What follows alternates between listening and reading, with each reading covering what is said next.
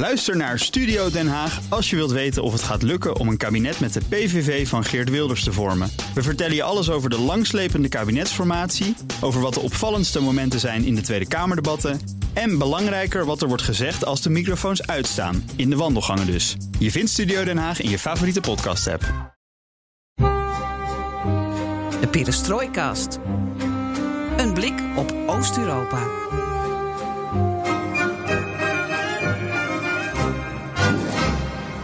Ik moet jou iets vertellen, Floris. Vertel. Ik heb mijn boek uit. Wereldboek, Kammers met het boekman. Ga eens door naar een volgende boek. Het achtste leven heb Ja, ik nou, uit. weet- nou weten we het wel. Nee, weet je wat er leuk aan is? Ik heb van vijf mensen een reactie gehad dat zij het boek ook hebben gekocht.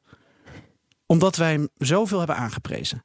Dus wij moeten eigenlijk gewoon worden ingehuurd door uitgeverijen in de PR. Kunnen we nog eh, goed geld verdienen? Ja, nou ja, als dat, als dat eh, de enige reden is om boeken eh, bij ons als reclame op te voeren, dan ja, kom maar door met het geld. We gaan het binnenkort een keer over boeken hebben. Hè? Ja, we hebben Michel Krielaars op het oog om binnenkort bij ons is, te gast te zijn. Die is nu hard aan het lezen voor ons in zijn leesstoel. En komt dan terug bij ons in de studio met alles wat hij te zeggen heeft erover. De kop is eraf. Welkom bij BNR Perestrooikast. De zesde aflevering alweer van de enige podcast van Nederland die volledig oog voor het oosten heeft en geeft. Vandaag hoor je de cijfers achter de Slovaakse en Oekraïense presidentsverkiezingen, waarbij zelfs de ligging van een metrohalte bepalend is voor het stemgedrag. Daar ga je ons alles over tellen- vertellen. Ja. Van daaruit reizen we door naar Moskou met podcastbroeder Piotr Sauer. Praten we over de schok in liberaal Rusland. Vervolgens dalen we af naar Centraal-Azië met Bob Deen. En als absolute klapper natuurlijk de mop van Joost. Een dijenkletser. En je weet het inmiddels, alles ten oosten van de rivier de Elbe kan de komende weken, maanden, jaren in deze podcast besproken worden. En wat leuk is, wij zijn heel sociaal en democratisch. En je kan je ideeën inbrengen via Twitter, perestrooikas. Of mail ons op En we gaan zeker wat met jouw ideeën doen. Mijn naam is Geert-Jan Haan En ik ben Floris Akkerman. en dit is BNR Perestrooikast.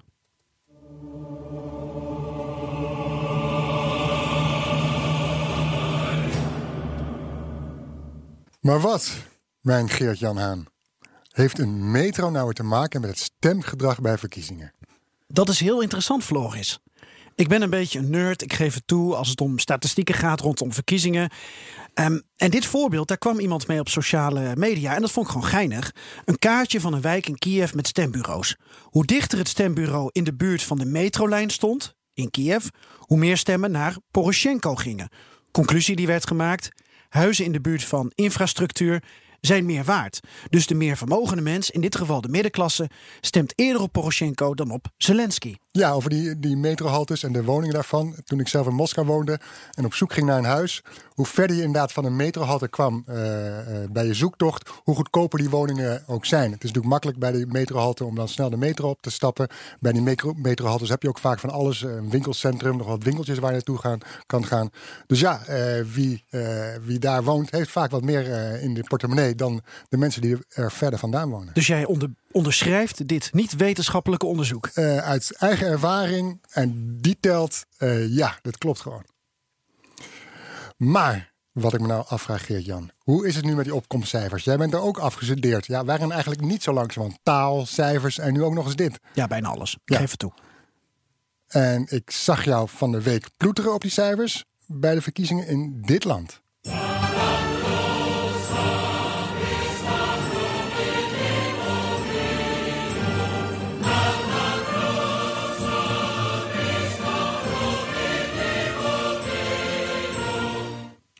En in dit land.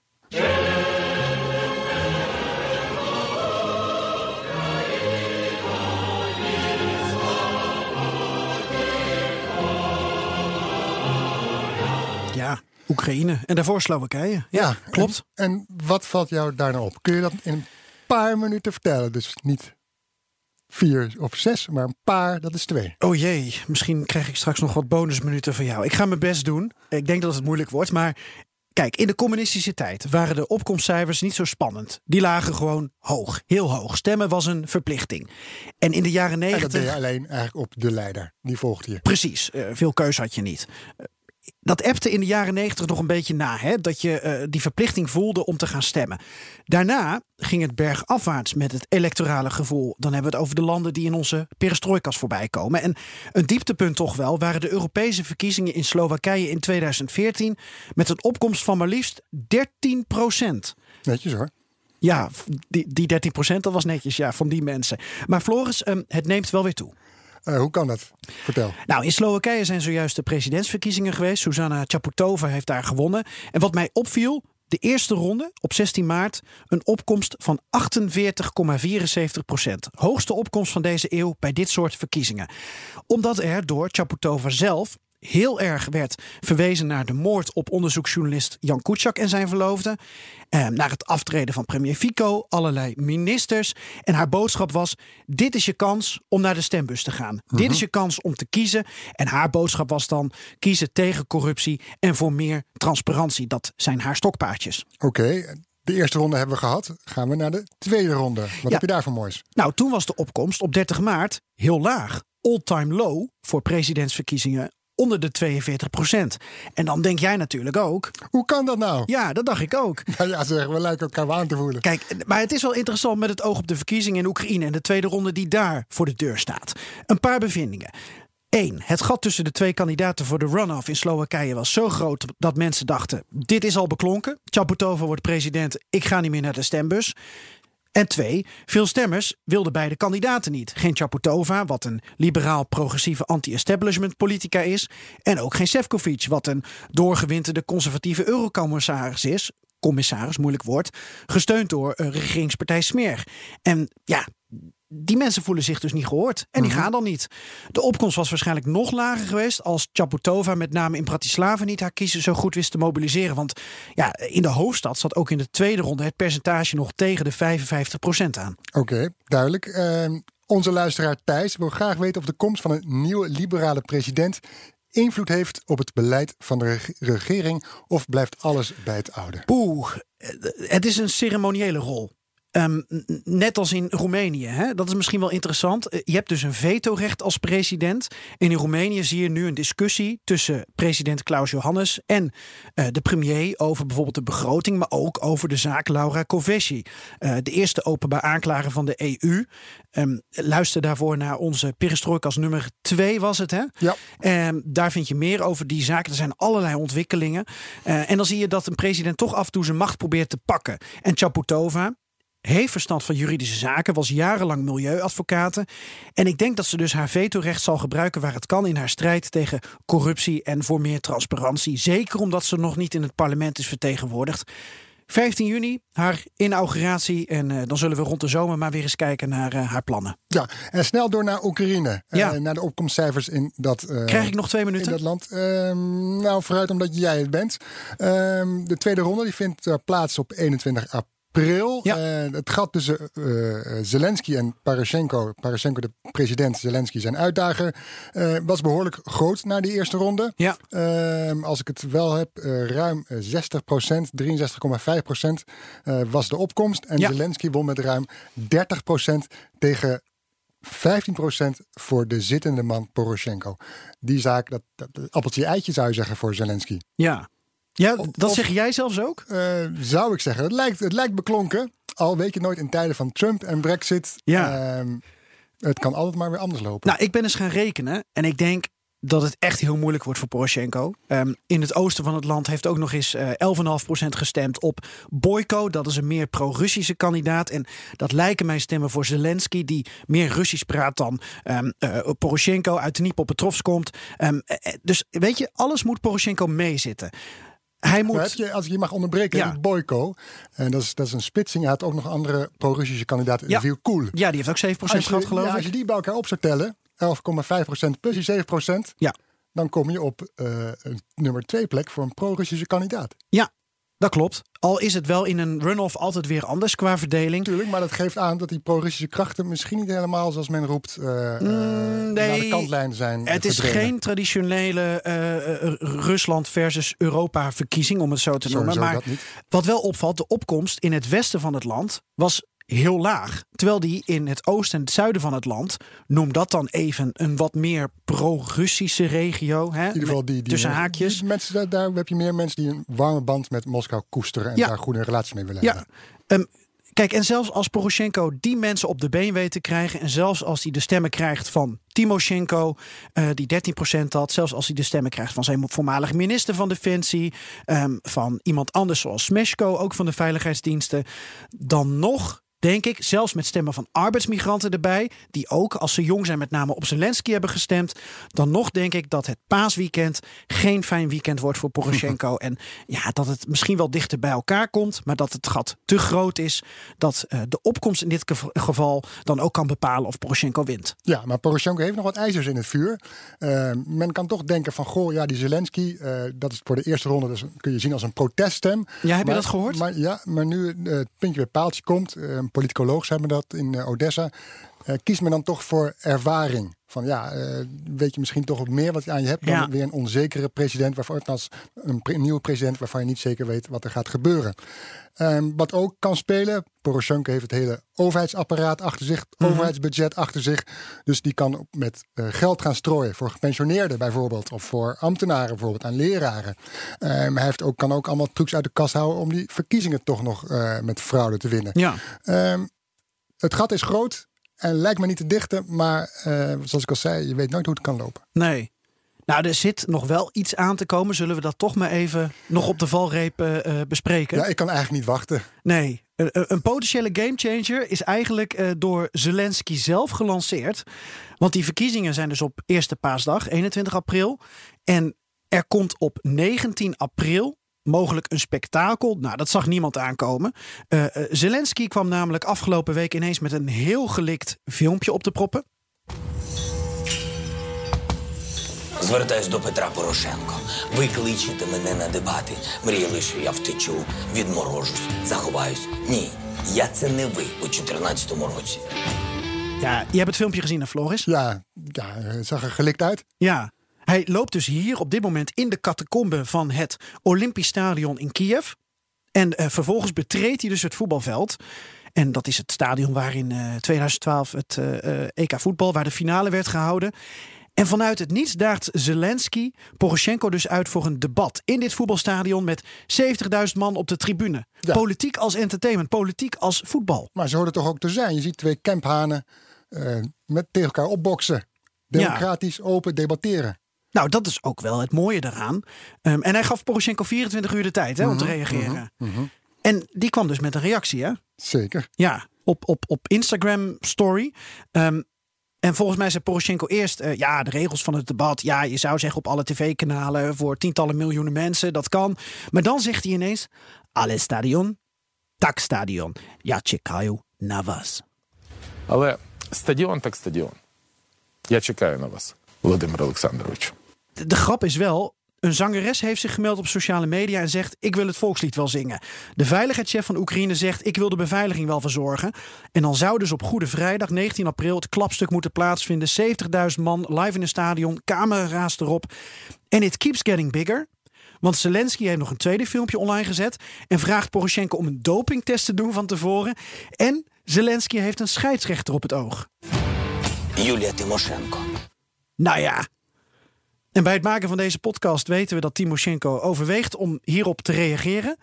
En iedereen weet er dus van. Behalve de manager van het stadion, die wist van niks. Wat wel vervelend is, want die mensen moeten de tickets verkopen. Maar is dit, denk jij, dan, dan een kans voor Poroshenko om toch nog op de inhoud te gaan?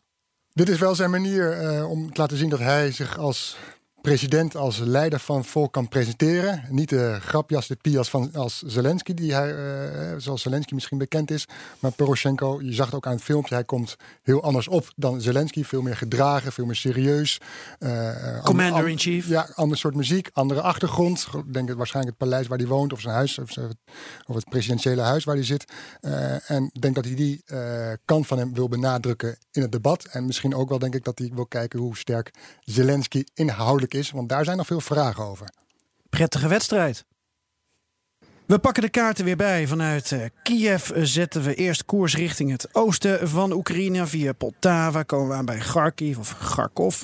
Om dan recht omhoog te gaan en de grens met het volgende land over te steken.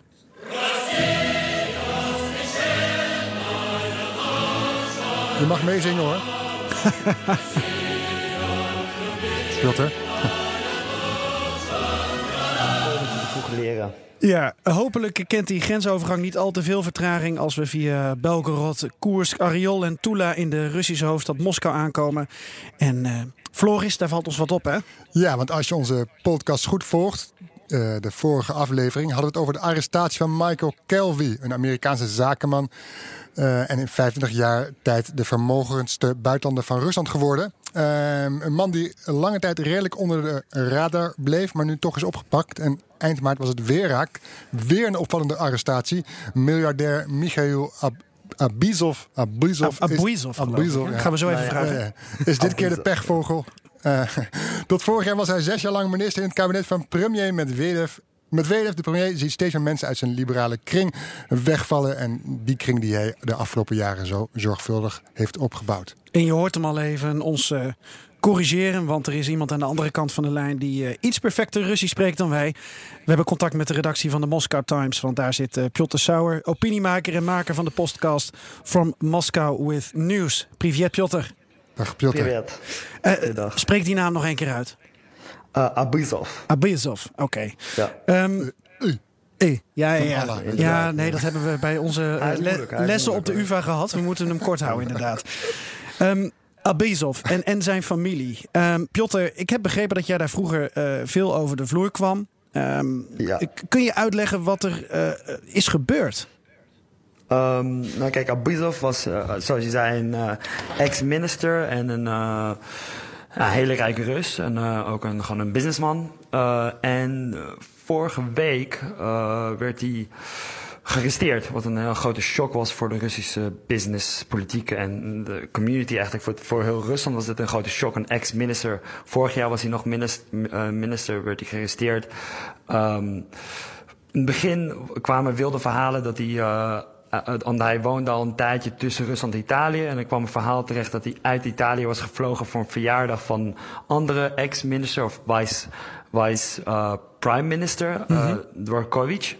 Uh, die hem uh, vertelt dat het die heeft hem eigenlijk ingelokt in een val. Dat was het verhaal. Uh, dat hij toen in Sheremetyevo was aangekomen en dan dramatisch werd gearresteerd.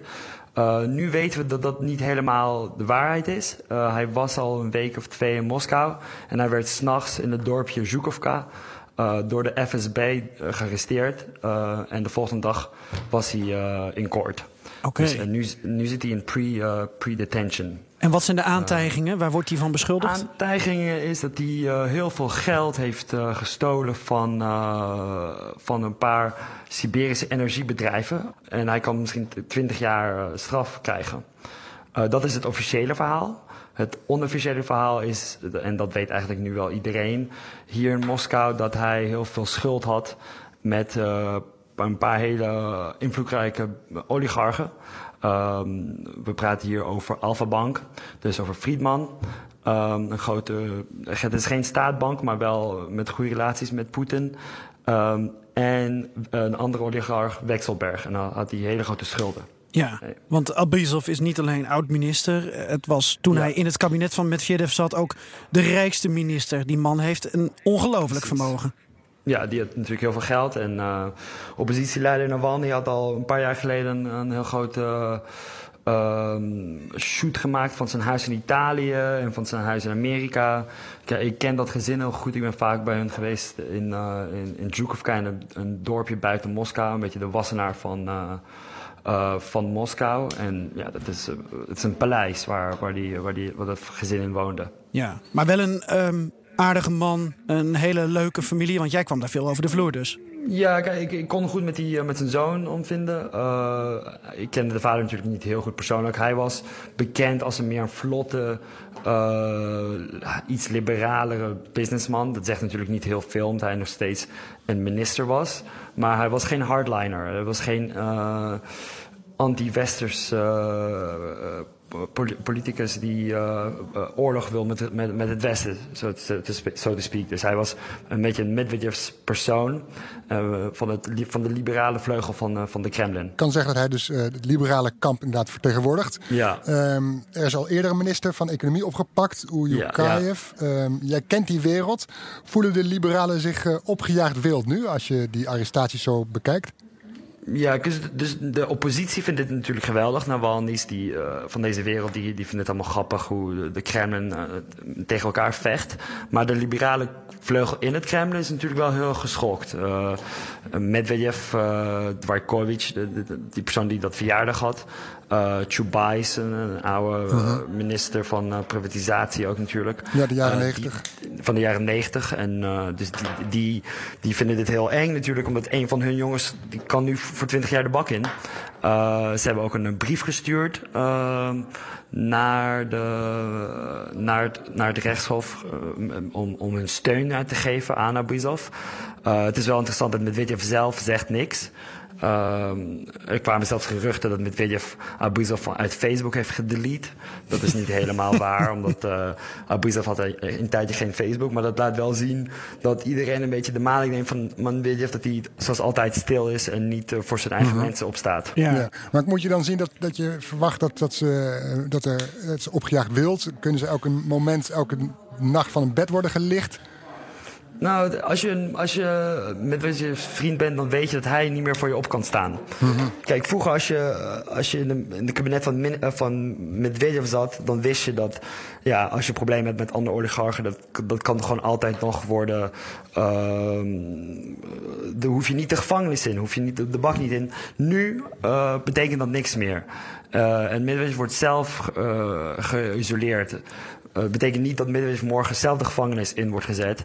Ehm, hij is natuurlijk nog steeds de, prime minister en hij is nog steeds heel belangrijk voor Poetin.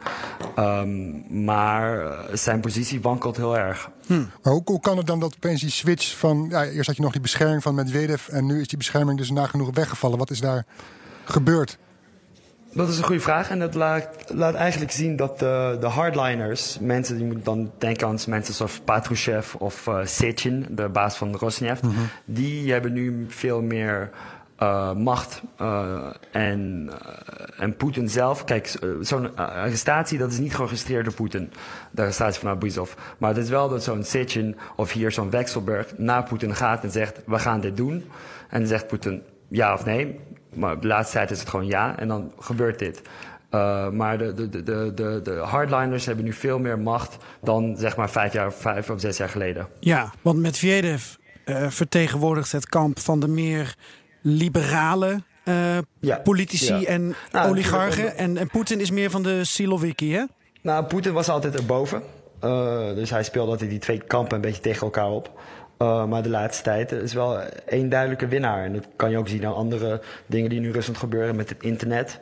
Uh, dat, dat, het internet probeert ze nu soeverein te maken. Dat betekent dat ze proberen een beetje een Chinees model op te bouwen. En dat is een, echt een move van de Siloviki. Dat zou, een, zou Medvedev of Abuzov nooit willen doen. Uh, zij, hebben, zij waren juist meer voor transparantie en een betere samenwerking met het Westen. Ze hebben ook een business school opgezet, Skolkova. Dat is een groot project van Abuzov samen met Dvorkovich en uh, Medvedev. Ja. Waar ze veel meer zo'n Silicon Valley van... Het van Russische Rusland Silicon Valley. opbouwen. Precies. Ja. En dat, dat valt nu helemaal uit elkaar. En je ziet dat dat niet meer belangrijk is voor Poetin zelf. Ja. En Piotr, als jij uh, het café ingaat of een restaurant ingaat... Ja. is dit het gesprek van de dag? Ook omdat er meer arrestaties zijn de laatste tijd natuurlijk. Ja, natuurlijk. Je hebt uh, Michael Calvi. En uh, dat was in Moskowse businesskringen ook heel groot. Dat is heel anders. Omdat uh, het is de eerste keer dat een buitenlander wordt gearresteerd. Zo'n grote buitenlander. Vroeger moest je het land uit als je, een grote, als je een conflict had. Nu voor de eerste keer een, eigenlijk een legende van de investeringswereld wordt in de gevangenis gezet.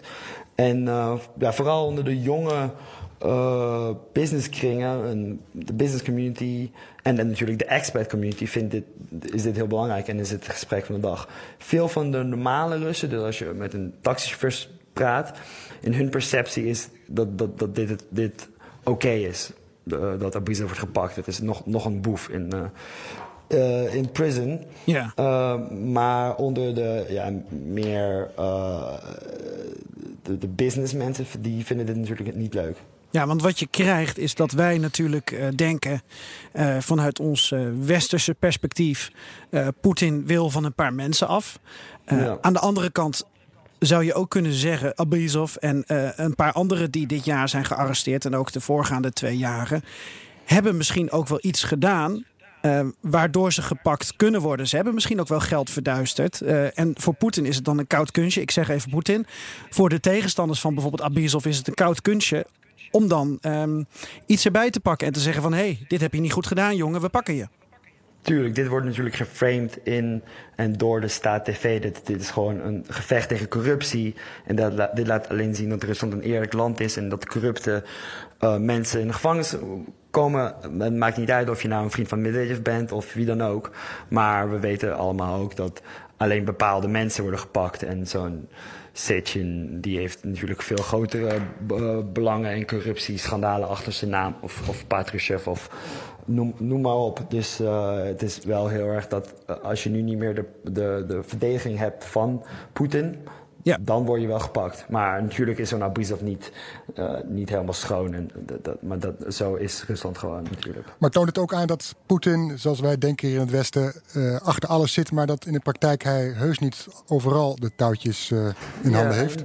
Dat is een beetje de theorie wat nu wat, door alle experts in Rusland heel erg naar voren gebracht. Is dat Poetin zelf niet meer bepaalt wat er gebeurt. Ehm, hij kan natuurlijk wel dingen weten. Maar dat hij zelf eigenlijk veel meer geobsedeerd is nog steeds met het buitenlands politiek. Met Ja. Syrië, met Krim. En dat is wat hij echt heel interessant vindt. En de binnenla- binnenlandse politiek laat hij een beetje over aan, aan mensen. En, en dit is ook een beetje een symptoom van Poetins laatste term. Dat eh, hij veel afstandelijker is. En dat er veel meer gevechten zijn onder hem tussen verschillende takken in, in, in, in het Kremlin. En ik denk dat we dit ook veel meer gaan zien in, eh, in de komende jaren. Veel meer arrestaties, veel meer gevechten. en veel meer speculaties. Dus Ja. het is, eh, wordt onrustig rond Poetin. Men, men ziet ook dat, weet niet- wie, wie naar Poetin komt natuurlijk. Men ziet dat Po- eh, Poetins populariteit naar beneden gaat.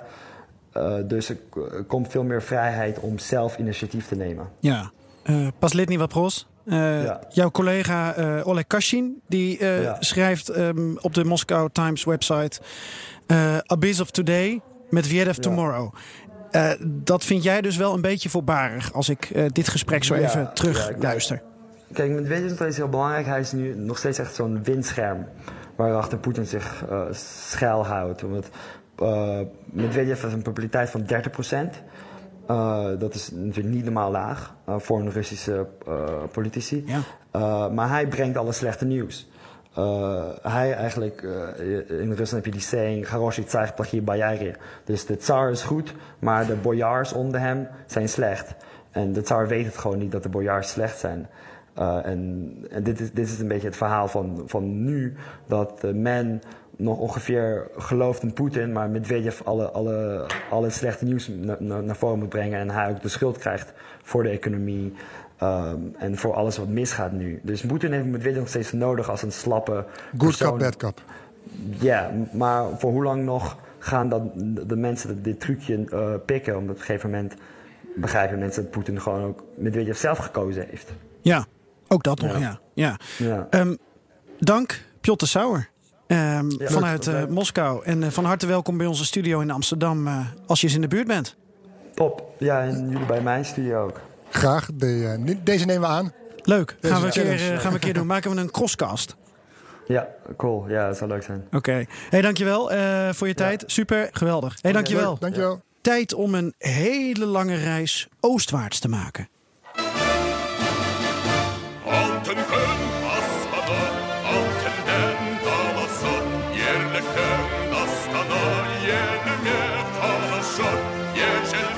Wat een eh, vrolijk volkslied. Hè? Ja.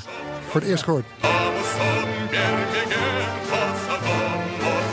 Want we komen uit eh, Rusland en we zijn eh, naar het oosten afgereisd. Maar eigenlijk ook ten zuiden en ten westen. En zekere zin ook nog eens ten noorden van Rusland. Want daar ligt Kazachstan. Ook geen klein land trouwens. In een regio vol met andere stamlanden. En het is een fascinerende regio. Ik heb een aantal van die landen bezocht. Eh, Floris, jij? Nou, niet echt. Ik was één keer in Baikonur vanwege de lancering van André Kuipers. Dat is toch En, Kazachstan? eh, Baikonur is Kazachstan, maar is door Rusland gehuurd grondgebied. Oh. Van waar ze die eh, eh, lanceringen doen.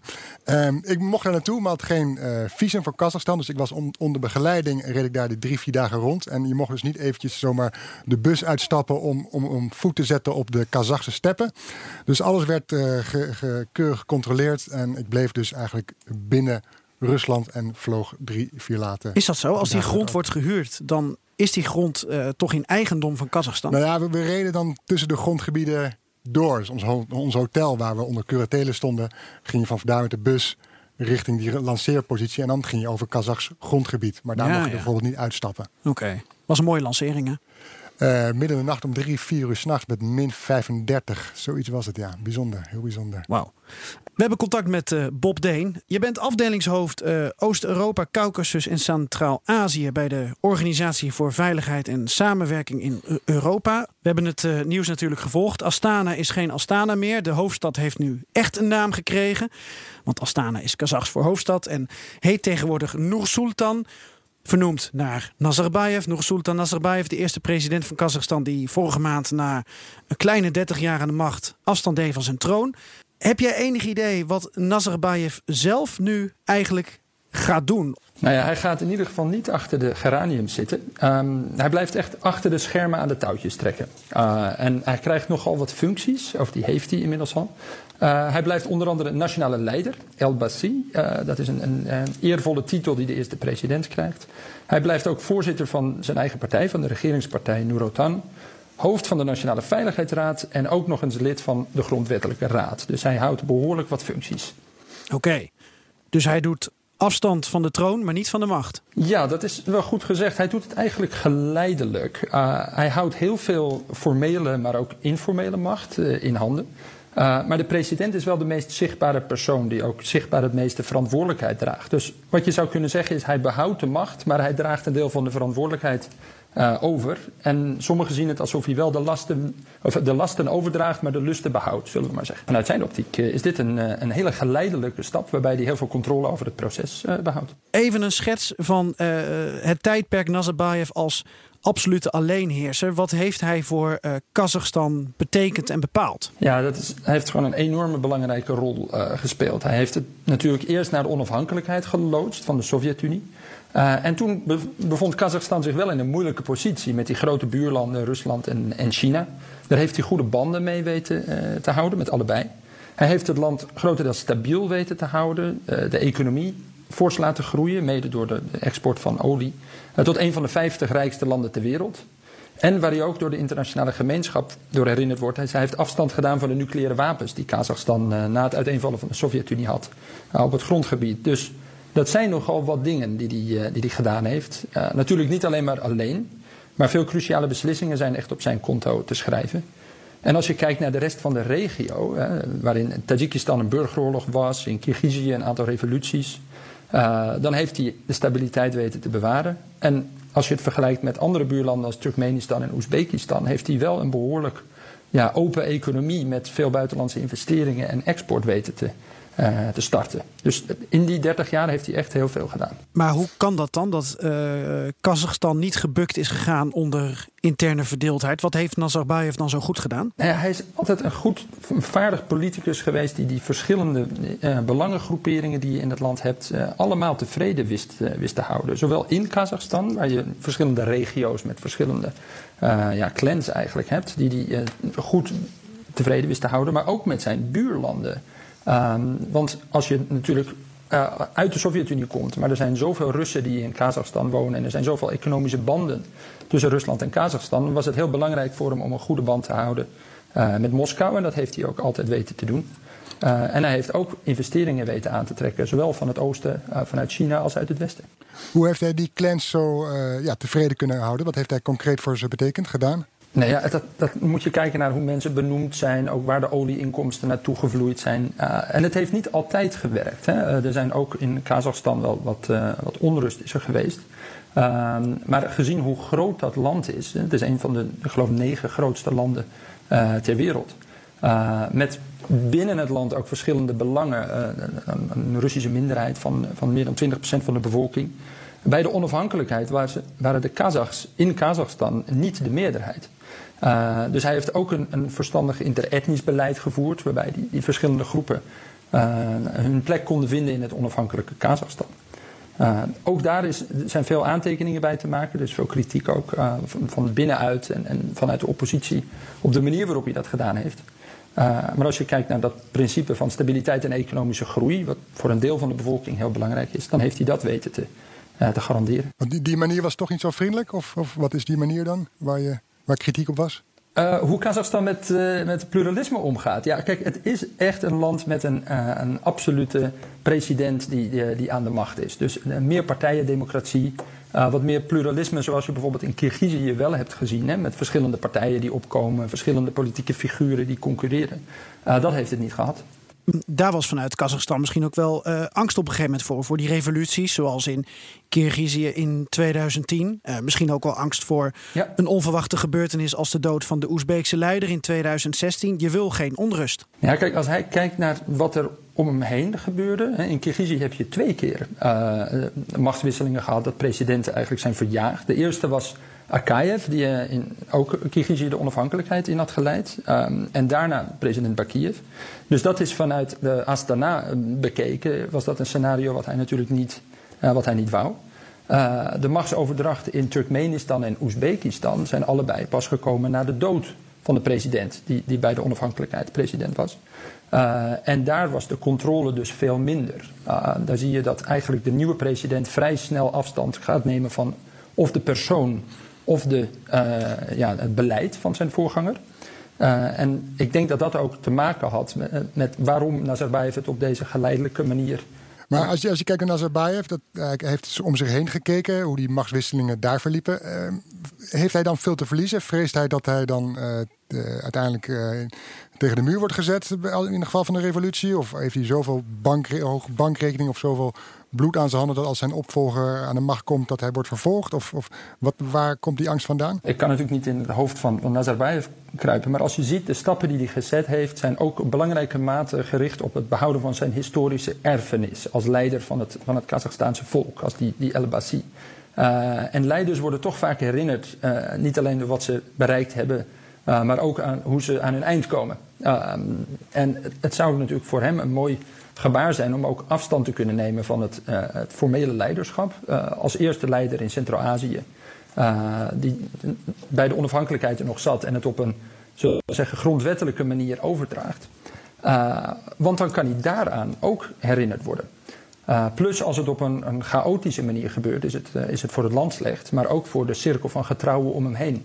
Van mensen die natuurlijk rijkdom hebben weten te vergaren onder het bewind van uh, van Nazarbayev, die lopen dan risico dat de nieuwe machthebbers uh, gaan kijken hoe ze dat verdiend hebben en, en daar misschien aan, aan willen gaan tornen. Want hij heeft zijn eigen kring nu heel nadrukkelijk op de posities gezet die deze transitie op deze manier in goede banen kan leiden. Ja, je moet naar een aantal sleutelfiguren kijken. Eén is natuurlijk zijn dochter, hè, dat is een van de meest opvallende. Die benoemd is tot voorzitter van het parlement. En daarbij in feite de eerste uh, in de lijn van de opvolging is. Dus mocht er wat gebeuren met de huidige president, dan, dan wordt zijn dochter meteen uh, president van Kazachstan.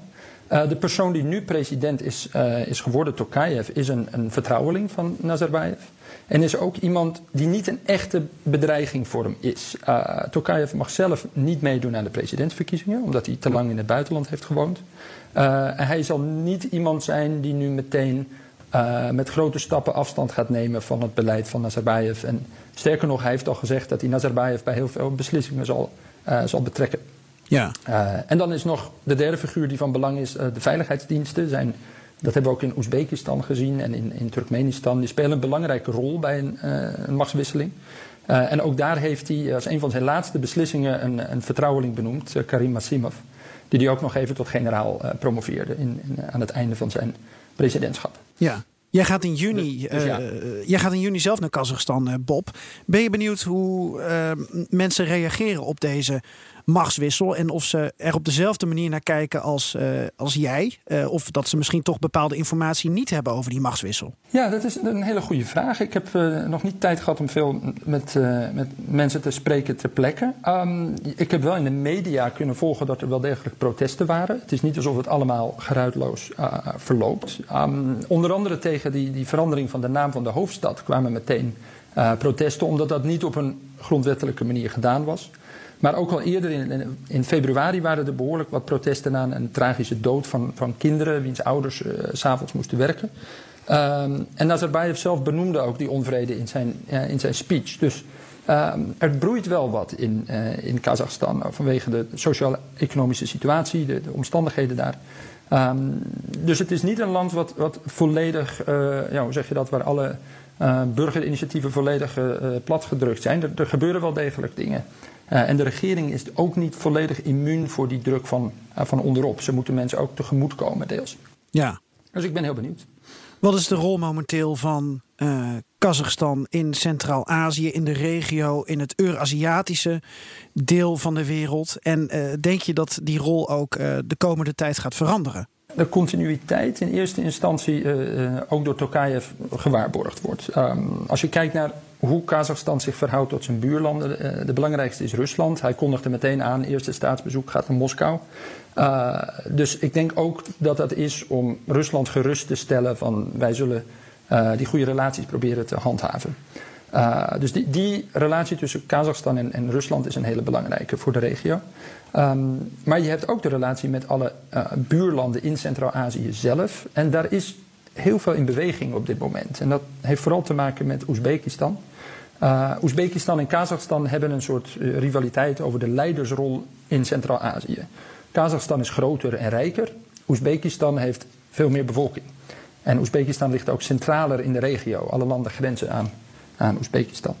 Uh, dus ook wat heel belangrijk wordt, is de relatie tussen de presidenten Mirziyoyev, die nieuw is, en Tokayev van Kazachstan.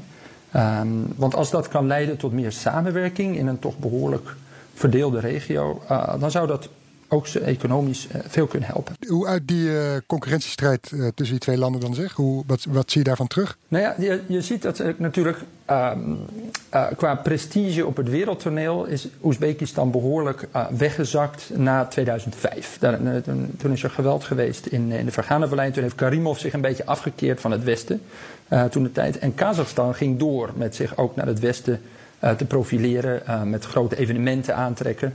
Uh, Kazachstan werpt zich ook af en toe op als, uh, als vredestichter. Die organiseren conferenties.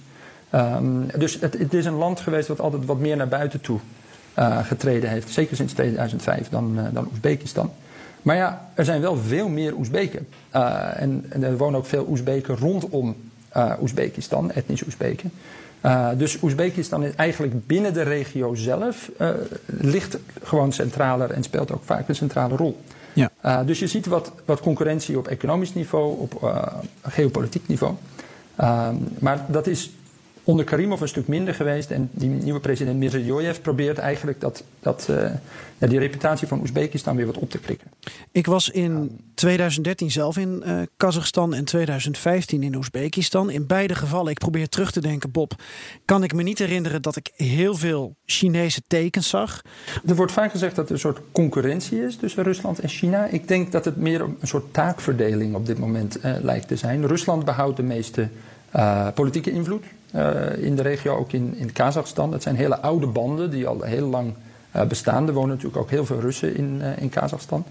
Maar China is de opkomende economische macht die veel willen exporteren. Niet alleen naar Kazachstan zelf, maar ook via Kazachstan. Via inderdaad die Belt and Road Initiative. Um, dus wat je ziet is dat er deels is er ook economische concurrentie. En Rusland heeft dat ook uh, ja, geprobeerd aan te pakken via een douane-unie. de zogenaamde Eurasiatische Economische Unie. Nu zelfs Eurasiatische Unie genoemd. Uh, waardoor Kazachstan zich meer aan Rusland heeft gecommitteerd als handelspartner. Uh, en ook tarieven moet heffen op Chinese goederen. Um, maar deels zie je ook dat er politieke samenwerking is tussen Rusland, China, Kazachstan en andere Centraal-Aziatische landen. Uh, over gemeenschappelijke bedreigingen zoals terrorisme, waar ze alle bang voor zijn. En dat doen ze dan weer in die Shanghai Cooperation Organization. Oh ja. dus het is een, een, een ja, een soort schaakbord waar niet Eh, het, het is niet zo'n keiharde geopolitieke concurrentie eh, als je zou denken. En het, het gaat wat subtieler. Nu Nazarbayev eh, toch in ieder geval in ehm, presentatie naar de achtergrond verdwijnt. Wie is de leider van Centraal-Azië? De nieuwe leider van Centraal-Azië. Nou ja, tot de presidentsverkiezingen in Kazachstan zal Tokayev waarschijnlijk niet zo heel veel grote nieuwe initiatieven uh, wat betreft Centraal-Aziatische samenwerking uh, erin gooien. Um, er zijn een aantal processen gaande, topontmoetingen, meestal rond uh, Navroes, um, waarbij de presidenten bij elkaar komen. en ik denk dat op dit moment Mirziyoyev van Oezbekistan het sterkst in zijn schoenen zit om daar een, een voortrekkersrol te spelen. Dat wil hij ook graag. maar het blijft in feite, de, de, economie van Kazachstan is veel groter. Uh, Kazachstan exporteert veel uh, olie en gas natuurlijk naar het, naar het westen. dat als je naar pure economische cijfers kijkt, heeft Mirziyoyev Kazachstan harder nodig dan andersom. dus het, het kan zomaar zo zijn dat die, die concurrentie toch weer ten, ten gunste van Kazachstan uitvalt. We zeiden al dat je in juni zelf naar Kazachstan gaat. wat ga je daar precies doen? Nou, ons werk uh, gaat over nationale minderheden. Ik werk voor de, de, hoge commissaris in zaken nationale minderheden. Dus wij kijken naar allerlei kwesties uh, te maken met identiteit in Kazachstan. Het proces van natieopbouw, wat je zag na de, de Sovjet-Unie, in een land waar zoveel Russen woonden, de Russische taal een hele prominente rol speelt. wij kijken onder andere naar het onderwijssysteem, naar taalrechten en naar hoe Kazachstan omgaat met die etnische diversiteit. Daar hebben ze een aantal uh, mechanismen voor. Een, een, Assembly of the People of Kazachstan onder andere zullen we ontmoeten. Uh, en dan kijken we naar dat soort vragen. Dankjewel uh, Bob voor je toelichting. Dankjewel. Heel fijn nou, dat we eens in Centraal-Azië konden duiken. En um, we hebben het grapje bedacht als we gedag zeggen tegen jou Nazar Bayev. Vind je dat leuk? Oké, okay. okay, tot ziens. Dag. Bye bye. Terug naar Moskou, Floris. Ja, naar het café, het winkelcentrum of in de metro. waar zit je nu, Joost? Nou, ik zit gewoon te gast eigenlijk ergens bij uh, mijn uh, voormalige uh, logeeradres. Ja. Je zit ah, bij, bij Juri en... Irina. Irina, ja. Ah, ik ben ooit een keer thuis ja, geweest. Ja. Schitterende woonkamer. Je kijkt je ogen uit, overal spullen. Wat, wat gezellig. En hadden ze nog een goede mop voor je? Ja, zeker. En die ga ik jullie nu vertellen. Brandlos. Mag het? Ja. Zal ik gaan? Ja? Nou, dan komt hij hoor. Ik moet je een beetje waarschuwen. Hij is wat, wat luguber dit keer. Maar daar kunnen jullie wel tegen, volgens mij. Nou. Um, luister, er komt een. Uh, een, een uh, in, in, Moskou is er een. een uh, hoe noem je dat? Avondklok ingesteld. Er zijn overal rellen uitgebroken tegen het regime. En nou ja, de politie patrouilleert op straat. En om 11 uur s'avonds gaat de avondklok in. En om half elf lopen twee soldaten van de Navguardia, de Nationale Garde, over straat. En een van die twee die ziet daar een man lopen op straat. En die pakt zijn geweer en die knalt hem overhoop. Nee. Waarop zijn collega zei, hoe kan dat nou? Het is nog maar half elf. We hebben nog een half uur tot, het, uh, tot de avondklok te gaan. Ja, zegt die ander, die collega. Hij zegt, maar ik weet waar die gast woont, ik ken hem. Daar had hij nooit meer gehaald. Ja, dat vind ik nog niet zo leukste. Ja, ik vind deze wel goed. Ja. dat is ook ja, ik snap deze ook. Ja, ja, ja. Hij is te makkelijk nou, voor ons.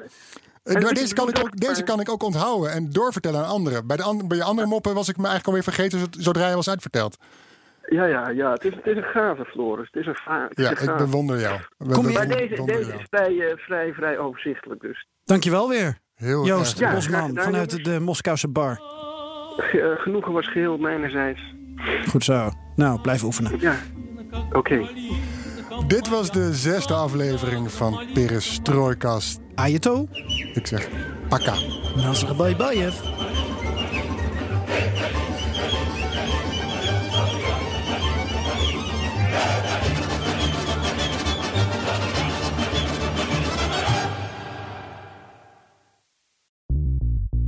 Bij BNR ben je altijd als eerste op de hoogte van het laatste nieuws. Luister dagelijks live via internet. Bas van Werven. En heel langzaam komt de zon op rond dit tijdstip. Je krijgt inzicht in de dag die komt op BNR, het Binnenhof in Nederland en de rest van de wereld. De Ochtendspits. Voor de beste start van je werkdag. Blijf scherp en mis niets.